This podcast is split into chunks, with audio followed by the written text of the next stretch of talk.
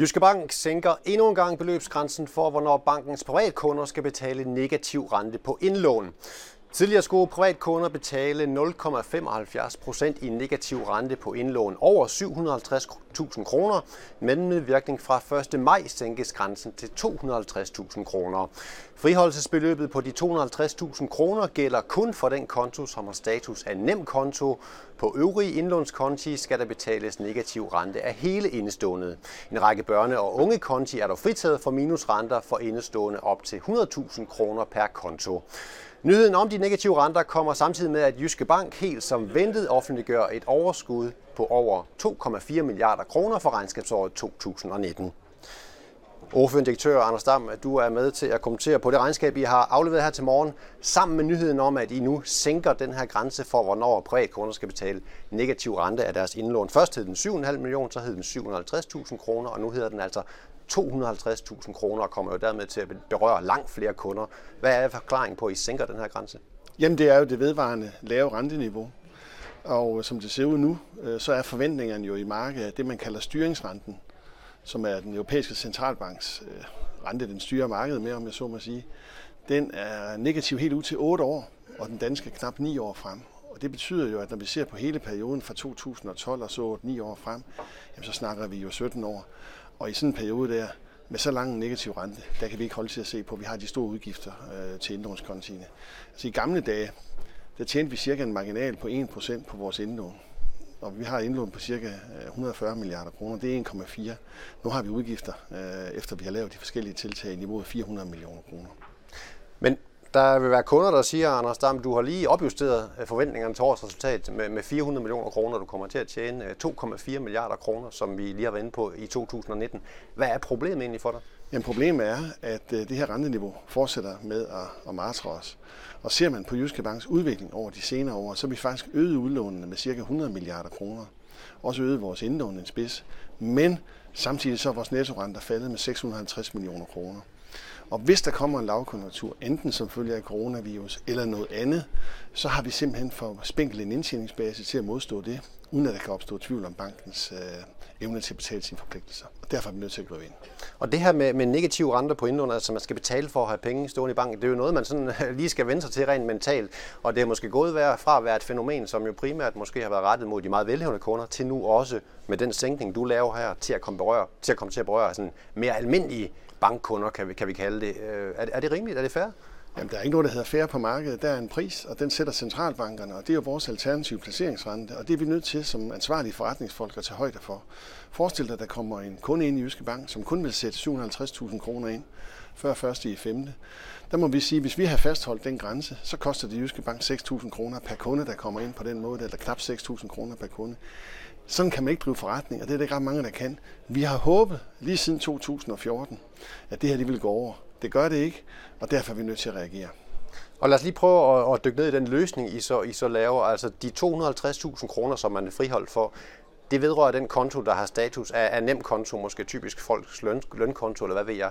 Der kan jo være de kunder, der har placeret penge på en opsparingskonto, en budgetkonto, en rejsekonto de skal nu fremadrettet til at betale negative renter af de konti, der ikke er nem konto. Er det, er det korrekt forstået?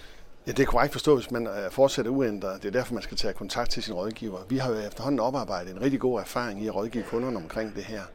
Og hvis man vil, så kan man helt undgå negative renter, hvis man tør at tage lidt risiko eller afvikle på sin gæld, eller hvad det nu er af muligheder. Derfor skal man snakke med sin rådgiver, hvis man ønsker at bringe sig ud af den her position. Så det har vi rigtig god erfaring med, samtidig med, at det også hjælper på bankens situation. Og hvad er kundernes reaktion? Nu er du selv inde på det, og Jyske Bank har ligesom været forgangsbank på det her område, sænket grænsen gang på gang.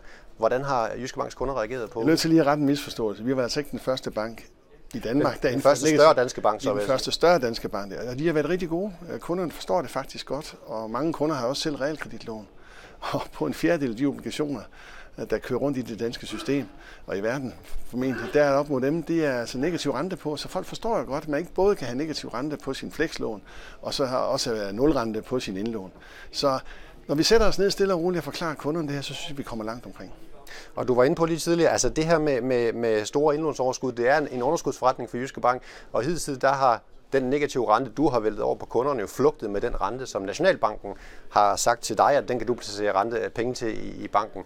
Altså kunne man forestille sig et scenarie, hvornår vi når derhen, hvor du siger, at jeg vil etablere en form for marginal på indlån i Jyske Bank. Altså du siger til kunder, nu skal du reelt betale en højere minusrente end den, som øh, jeg og Jyske Bank bliver, bliver pålagt i Nationalbanken. Altså i en mere normal situation, der vil der være en, en positiv øh, rentemarginal på indlån også. Det har der været historisk og til alle tider. Det er kun de år her, hvor vi har haft det her negative miljø, at rentemarginalen er forsvundet. Og det er det, der ødelægger vores indtjening. Men vil du gerne have en rentemarginal på indlån igen? Ja, selvfølgelig vil jeg det, men der er også noget, der hedder konkurrencesituationen ude på markedet, og det er ikke noget, der ligger lige for. Mange vil nok spørge sig selv, Anders Stab, nu er du gået fra 7,5 millioner kroner i grænse ned til 250.000 kroner. Hvor, er, hvor, ligger det næste, hvor ligger den næste grænse?